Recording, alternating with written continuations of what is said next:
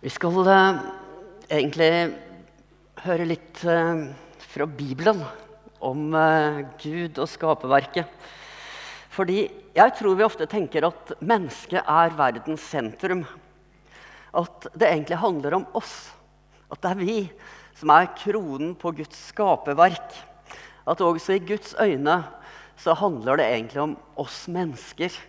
Og alt det andre det er nærmest bare kulisser rundt vår eksistens. Og når vi leser Bibelen, så er det jo helt klart at den har et sterkt budskap som sier Gud elsker oss.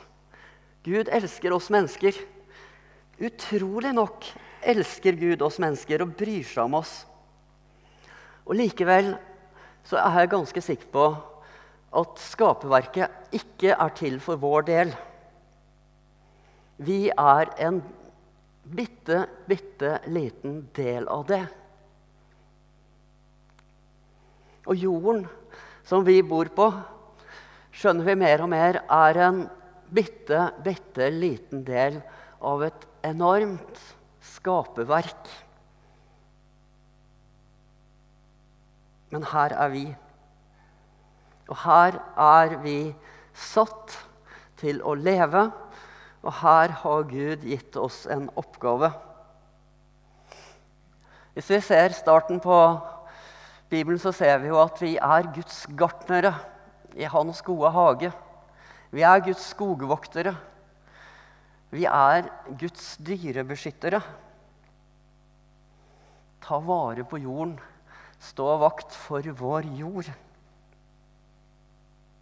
Den jorda som Gud sa var svært god når han hadde skapt den. Første Mosebok, kapittel 1, forteller om en skapelse fra intet. Lyset, stjernene, solen, jorden, det tørre landet som det gikk an å bo på, plantene, trærne, fiskene, dyrene og menneske som til slutt settes inn i dette fantastiske skaperverket, i denne Edens hage, for å være gartner, skogvokter, dyrebeskytter. Og jeg lurer på om dere har tenkt på hvor stor plass f.eks. dyr har i Bibelen. Hvis vi begynner å lete etter det og se etter det. Jeg skal gi dere Jeg peker på to kapitler i Bibelen som uh, gjør det veldig klart. Og det ene er Salme 104. Og det andre er Jobbs bok, kapittel 39. Og vi skal lese litt her, skal vi se. Salme 104. Jeg må si at i min bibel så har jeg skrevet over den en salme for jorden. Og her står følgende, blant annet Du lar kilder velle fram i dalene, så bekker renner mellom fjellene. De gir drikke til alle dyr på marken. Ville esler får slukket tørsten. Der finner fuglene under himmelen bolig. De synger mellom grenene. Han vanner fjellene fra sin høye sal.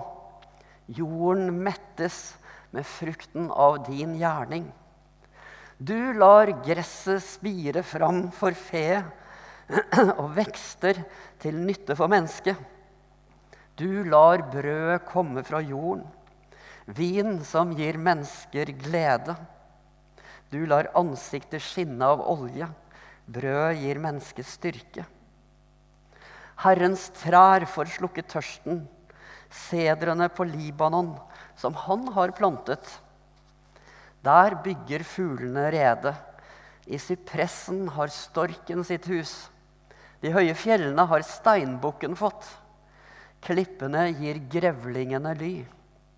Han skapte månen til visse tider og solen som vet når den skal gå ned. Du sender mørke, og natten kommer. Da myldrer de fram, alle dyr i skogen. Unge løver brøler etter sitt bytte. De krever sin føde fra Gud. Solen står opp, de vender tilbake og legger seg i sine huler. Da går mennesket ut til sin gjerning og arbeider til kvelden kommer. Herre, hvor mange dine gjerninger er, og alle har du gjort med visdom. Jorden er full av alt det du bærer fram. Her er havet stort og vilt, med talløs vrimmel av dyr, både små og store. De stevner, der stevner skipene fram. Der er Leviatan, som du skapte til å leke med. Alle venter på deg, at du gir dem mat i rett tid. Du gir, og de sanker. Du åpner hånden, og de blir mettet med det gode. Det er en fantastisk tekst som beskriver denne, dette store skaperverket. Alle disse dyrene og grevlinger og villesler og hva det er. Og ikke minst Leviatan, dette mystiske sjøuhyret nærmest som beskrives noen steder i Det gamle testamentet. Som det altså står at Gud skapte for å leke med. Jobbs bok, kapittel 39, skal dere også få litt fra. Det er det store kapittelet der, svar, nei, der Gud svarer Jobb på hans anklager om at Gud ikke er rettferdig. Og det Gud gjør, er å begynne å beskrive skaperverket sitt. Jeg skal ikke lese hele, men jeg vil også lese noen vers her. Gud spør Jobb, jager du bytte for løvinnen? Gir du løveunger mat? Eh, der de kryper ned i hulene sine eller ligger på lur i krattet? Hvem skaffer føde til ravnen når dens unger skriker mot Gud og virrer rundt uten mat? Vet du når fjellgeiten får unger? Går du vakt når hjorten får rier? Teller du månedene den går drektig? Kjenner du når den skal føde? De huker seg ned og får ungene sine, og så er riene over. Ungene vokser seg store og sterke på slettene. Så springer de bort og kommer ikke tilbake. Hvem slapp villeselet fri og løste det fra dets bånd? Jeg ga det et hjem i ødemarken, en bolig i hele landet. Og litt flest strutsen flakser og lystig med vingene, men kan ikke fly som stork og falk. kan du gi hesten styrke, kle dens nakke med man. Lar du den springe som gresshoppen? Den vrinsker stolt og skremmende, men den skraper i marken yr av kraft. Var det din forstand som lærte falken å fly, spre vingene og gli mot sør? Er det på ditt ord at ørnen stiger og bygger rede høyt oppe? Altså Det som sies her, altså dette er Guds tale til oss mennesker når vi lurer på om Gud er der og er rettferdig. Så forteller han om hele skaperverket sitt. Han forteller om omsorgen sin for alle dyrene. Han er det som gir dem føde. Han er det som har gitt dem steder å, løpe fritt. Han er det som har lært fuglene å fly. Hvis vi ser i Det nye testamentet, Jesus sier jo at ikke en spurv faller til jorden uten at Gud vet det. Uten at Gud er med, står det. Og vi tar det jo fordi vi går lett videre og tenker at det er et bilde på Guds omsorg for oss. For det handler det også om. Men det Jesus sier, er jo at det fins ikke en eneste spurv som ikke Gud har identifisert seg med. Og når den faller til jorden, så faller Gud med den. Og Jesus sier, 'Se på liljene på marken'. Selv ikke Salomo i all sin prakt var kledd som en av dem. Altså Det er Gud som skaper all skjønnheten, som skaper blomstene. Gud elsker skaperverket sitt. Gud elsker blomstene. Gud elsker dyrene. Og det fins en form for kristendom som bare vil at vi skal være åndelige. At det eneste viktige er sjelens frelse. Og til og med kan tenke på skaperverket som noe ondt. Noe som vil føre oss bort fra Gud. hvis vi tenker for mye på det. Eller at det ikke har noen betydning. For Gud er ikke opptatt av det. Men det er ikke bibelsk. I Bibelen så er skaperverket noe Gud gleder seg over, som han elsker. Jeg har fortalt før, for det gjorde inntrykk på meg. Roald Dahl forteller i sin livshistorie at eh, de mister jo hunden sin, som, har, som, altså er død, som de har hatt i mange år, som de har vært så glad i. Roald Dahl, forfatteren, for dere som ikke vet hvem han er. Um, og han, De er jo så lei seg, og ikke minst døtrene hans. Og de går til biskopen. Han går til biskopen, som er hans gode venn, og sier at dette er trist. Men han har sagt til døtrene at uh, de må ikke være så, så lei seg, for de skal møte hunden igjen i himmelen. Og biskopen svarer, 'There is no dogs in heaven'. Det er ikke noen hunder i himmelen. Roald Dahl syns det var et dårlig svar. Og det er det jo òg. Også fordi at det selvfølgelig er feil. Selvfølgelig er ikke himmelen fattigere enn jorden.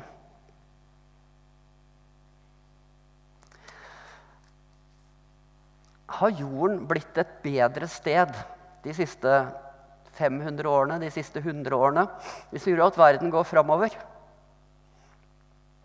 Jeg fikk en liten aha-opplevelse når jeg leste professor Dag Hessens bok 'Verden på vippepunktet'. For da plutselig stiller han dette enkle spørsmålet. For hvem har verden blitt bedre? Og egentlig svaret er jo, verden har blitt bedre for ganske mange mennesker. Men den har ikke blitt bedre for dyrene. Den har ikke blitt bedre for havene. Den har ikke blitt bedre for elvene. Den har ikke blitt bedre for skogene. Verden har ikke blitt et bedre sted for skaperverket, selv om menneskene har bredd seg utover og fortært den. Selv om vi på en måte har spist oss mette på bløtkake. Dyrearter utryddes. Insektene forsvinner. Og vi tenker at det er bra, for mygg er en eh, forferdelig ting. Men når insektene forsvinner, så forsvinner det så mye annet, og så henger alt sammen. Når vi prøver å dra ut og fiske på, i Oslofjorden på Lera, så får vi jo ikke napp lenger. Hvis det ikke er akkurat når makrellen er der inne. Jeg kan jo ennå huske den gangen vi dro ut, dro ut og kunne få opp torsk og sei og hvitting. Og de er borte. Livet har blitt bedre, verden har blitt bedre. Men ikke for dyrene, ikke for naturen, ikke for skogene og havene ikke for jorden. Framtidsperspektivet i Bibelen er ikke at vi skal til himmelen. Framtidsperspektivet handler ikke om sjelens frelse. Der vi endelig skal fri oss fra alt jordisk. Framtidsperspektivet i Bibelen er en nyskapt jord. Og der skal det være fred mellom mennesker og dyr. Da kan man gå helt tilbake også i Det gamle testamentet. og Der er det en tekst i, hos profeten Jesaja kapittel 11 som handler om det som skal komme. Da skal ulven bo sammen med lammet, og leoparden legge seg hos kjeet. Kalv og ungløve skal beite sammen, mens en smågutt gjeter dem. Ku og bjørn skal beite, ungene deres legger seg sammen og løven skal ete halm som oksen. Spedbarnet skal leke ved slangens hule, og barnet strekker hånden ut mot ormebolet. Ingen skal skade eller ødelegge noe på hele mitt hellige fjell, for landet er fylt med kunnskap om Herren. Dette er altså bildet av framtiden, og som vi møter igjen på slutten av Johannes' åpenbaring. Der menneskene ikke reiser til himmelen, men der himmelen senkes ned på jorden. Der det nye Jerusalem kommer fra himmelen og til jorden. For det er menneskenes sted. Dette er vårt sted. Dette er skaperverket Gud elsker og har gitt oss. Eden gjenopprettes. Et framtidshåp som gjelder mennesker, som gjelder dyr, som gjelder skoger og elver. Gud elsker verden. Paulus, eh, Romerbrevet kapittel 8, et av Bibelens aller viktigste kapitler, der han skriver om at hele skapverket sukker og lengter etter den dagen skal komme, da Guds barn blir satt fri, og får del i den friheten Guds barn eier i herligheten. Hele skaperverket skal frelses, ikke bare vi. Og derfor er vi kalt til å elske skaperverket som Gud har gitt oss. Vi skal synge sammen nå. En sang som vi synger hver julaften i kirken. 'Deilig er jorden'. På mange måter er det en sang som også har sine svakheter. Fordi den har litt denne bakgrunnen med sjelene som vandrer gjennom verden mot uh, himmelen. Men hvis vi liksom ikke tenker så mye på det, men tenker på dette som en sang som er en, en bekjennelse til den jorden Gud har gitt oss, som vi får lov til å leve på på vår vandring. Deilig er den jorden, og vi skal gjøre vårt til for at den fortsatt skal være deilig for våre barn og barnebarn. Og på julaften så reiser vi oss alltid når den synges. Og jeg syns vi skal reise oss nå og proklamere dette. Og det er mange som har sagt at 'Deilig er jorden' det er en protestsang mot alt det som vil ødelegge jorden. Så la oss synge ut 'Deilig er jorden'. Du hører nå en tale fra Fredrikstad frikirke. Vi holder til i Apenes gate 7. Velkommen skal du være. Ønsker du mer informasjon, finner du det på fredrikstadfrikirke.no.